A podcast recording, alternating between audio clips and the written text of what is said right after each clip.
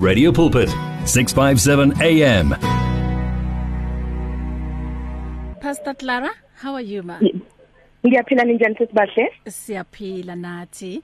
Ngiyaphila. Um, Sibonge ukuthi uphinde ubuye futhi uzosimotivate nakulolu suku. Ngicela ubabingelele emakhaya ngaphambi kokuthi siqhubeke.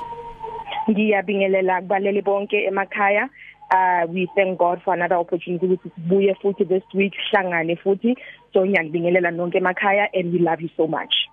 Amen amen amen. Usiphatheleni namuhla eh uyazi nje ukuthi usuku lwethu noma iviki lethu lizoqala nje liqhakaze. Uyazi nje si sibe nawo lawo mandla ukuthi you know singena evikini elisha and mm -hmm. we know ukuthi uNkulunkulu yena sekaphambili thina -hmm. sinyathela emva kwakhe sinyathela phezulu kwama steps akhe so -hmm. imapi lawo mazi ukuthi usiphathele wona kulentambama awe motivation ngiyabonga futhi sesibahle uh today I, I, I let's just get straight to our motivation of the day today ngiphethe lawa amazwi here ukuthi uh ngifuna ukukhuluma nomuntu who's going through uh a pain uh empilweni because singabantu sihamba you know we have pain we are wounded spiritually singabantu. Silimele kahle kahle abantu balimele we are a generation that is broken ungabona ama picture wethu on status sibahle ungabona ama picture wethu mm. on Facebook sibahle sibahle kakhulu sesibahle noma sihamba siye emabandleni sibahle sibahle mntakama mm. but indaba isekutheni abantu balimele abantu balimele kakhulu people are bleeding inside mm. people are bleeding ngendlela esimanga some people othina abanye we were, we were wounded by the spouse ebesihlala nazo abanye bathu abanye abantu they were wounded because of abafundisi abanye abantu balinyazwe ngabafundisi babo hmm. abanye abantu balinyazwe yabona the, the most painful thing ukulinyazwa umuntu omthembayo kakhulu abanye abantu balinyazwe you know your family if you were wounded by your family abanye abantu balinyazwe ukushonela umuntu athi ke hloko fanele ke ngwana kana ke morata mm batho ba khobetse re phela in a generation where people are, are disappointed people are rejected people are wounded so bad. Dilo tsohle tse re tsamang ka mara tsona di re gobaditse but there's a message nomlayezo as we are going to start our week from tomorrow ngifuna ukuthi kuwe mntaka baba Paula. The main reason why uNkulunkulu uh, the main reason why we have this motivation today is, is just for ukuthi ngizokutshela ukuthi Paula it doesn't matter what happened empilweni. I'm not saying that the pain that you went through they you were supposed to go through it but but, but i'm here to say yes it happened. But i'm here to say to you paul mtaka baba. When you read the bible in the book of psalm 147 it he heals uh, psalm 147 verse 2 and 3 verse 3 it yona. He heals the broken in heart. And he binds up their wound. Bazalwane ngiyazwisisa. And uNkulunkulu naye uyazwisisa ukuthi we are wounded. Silimele. When you read it in Zulu ithi uyapholisa uyaphilisa abenhliziyo ezilimeleyo. Mm. izilonda zabo uyazibopha. Oh mm. my god. Mm. bazolona sisimele some of us were molested as abantwana by our family members. But nginomlayezo namhlanje ukuthi Paul mntakama. Mm.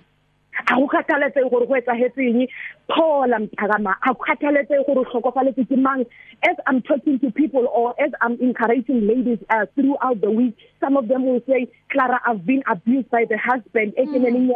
15 years in the house. Some people will say ke abuse ke the husband that i'm with now is a pastor. We are we are we are hiding our scars. Uyangishaya but i'm hiding my scars hey ngizothi kuwe namhlanje phola mtakaba mm. Akukhathalatseng what you are going through athi ngithini kuwe ngithi phola mntaka baba. Whatever that you are going through entambama ekujikeni kwelanga it doesn't matter what happened 15 years ago it doesn't matter what happened 5 years ago but ngizothini kuwe? Ngizothi phola mntaka ma.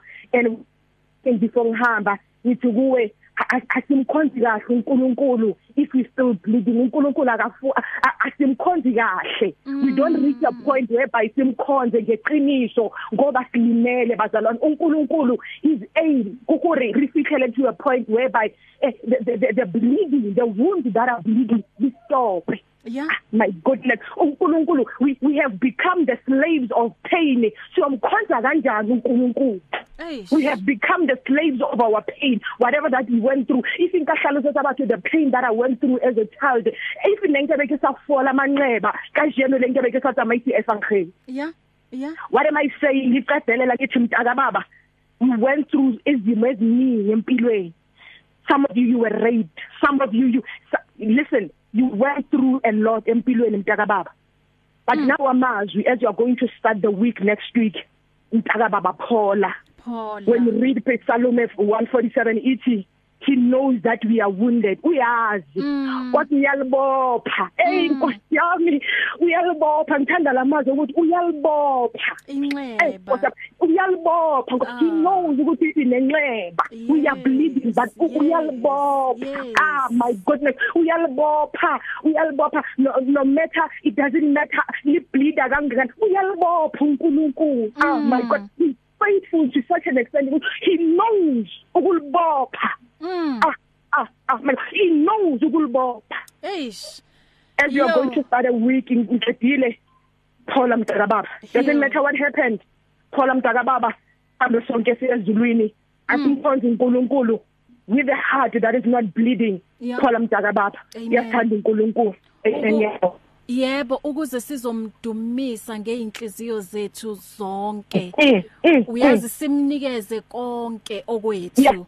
Kodwa uh, uma usableeda kuba khona lento okuwukuthi iba yi distraction wena ungasazi nokuthi konje ngimdumise kwafika kuphi uJehova seyifikile lento phezukwakho uyazi kuza nje izinto ezinegative ukuthi oh, okay why ngimdumisa lo nkulunkulu ngoba akakwazanga ukuthi angiprotect usibanibani uma engidlwengula aka- akazange angiprotect uma u- ubanibani enza lokho kumina. So u- u- ubhale incwadi angithi sisiclara ethi forgiveness is about you. So uqala ngeforgiveness ukuze uhile ukuze uphole because ngeke ukwazi ukuphola ungaka forgive uqala nje uxolele mntaka baba. Uxolele. Yes. mawuqeda uxolela uthatha isinqumo ukuthi ngiyaxolela Yeah. after you decide that decision uyithathe and ube joker and you know I'm going to forgive them I'm going to forgive mawuqeda lapho yaphola ngeke uphole. You start that is why there is a statement that I use in my book ngithi mina forgiveness is equivalent to healing.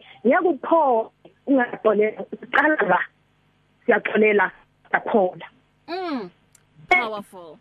Yebo. Thank you so much. Ukuthi ke usivuselele eh kulentambama ukuthi asipholeni einhlizweni asipholeni bazalwane emphefumulweni em utholakala kuphi His book Clara Masha. Um, on Instagram, I'm Clara Mashabani. Email um, my email address is clara mashabani at gmail.com and on WhatsApp is 071 965 019. Let me repeat that one more time. It's 071 9865 019. Amen. Asiphinde futhi sihlangane evikini elizayo. Eh okay, ithi before uhamba lana ngi oh all right, ngibona ngibona Okay uyabonga nje lana umama eh ngemotivation angilithola igama lakhe ukuthi ungubani eh sis Clara sibonga uJehova ngawe may God bless you and ube nje neviki elihle elibusekile Ngiyabonga kakhulu. Ngiyabonga. Amen. Amen. Wow. Heal. Mzalwane Paula eh kanti ke ngempela uJehova ngoba esithanda angeke akushiye nje uxhuga laphayana em u- ungunkulunkulu o merciful bazalwane ungunkulunkulu o, o gracious so wena kumele ukwenze ukuthi uthathe nje ithemba lakho ulibeke kuyena angeke akufaile instead he will rescue you. Lapho ubhekane nobunzima khona um nanoma ibuphi ubunzima. Um izwi lasho ukuthi his mercies endure forever and u- uthando lwakhe for wena ngeke luphele. Bazalwane akekho umuntu ongeza between thina no- nothando lukaNkuluNkulu. For he has no end of days of fear of night. Liyasho izwi ukuthi the Lord is gracious and merciful slow to anger and abounding in steadfast love. uNkulunkulu muhle kuwo wonke umuntu and his mercy is over all that he has made. Uma ekhuluma kanje usisilara ungikhomboza lona leli hubo liye lafika kumina ihubo 145 lapha ku verse 8 to 9 so Paula um letha nje amanxeba akho kuJehova ukuze akusize. Udokotela omkhulu uyazi ukuthi kuphi okumele akwenze ekutheni sivaleke lesilonda.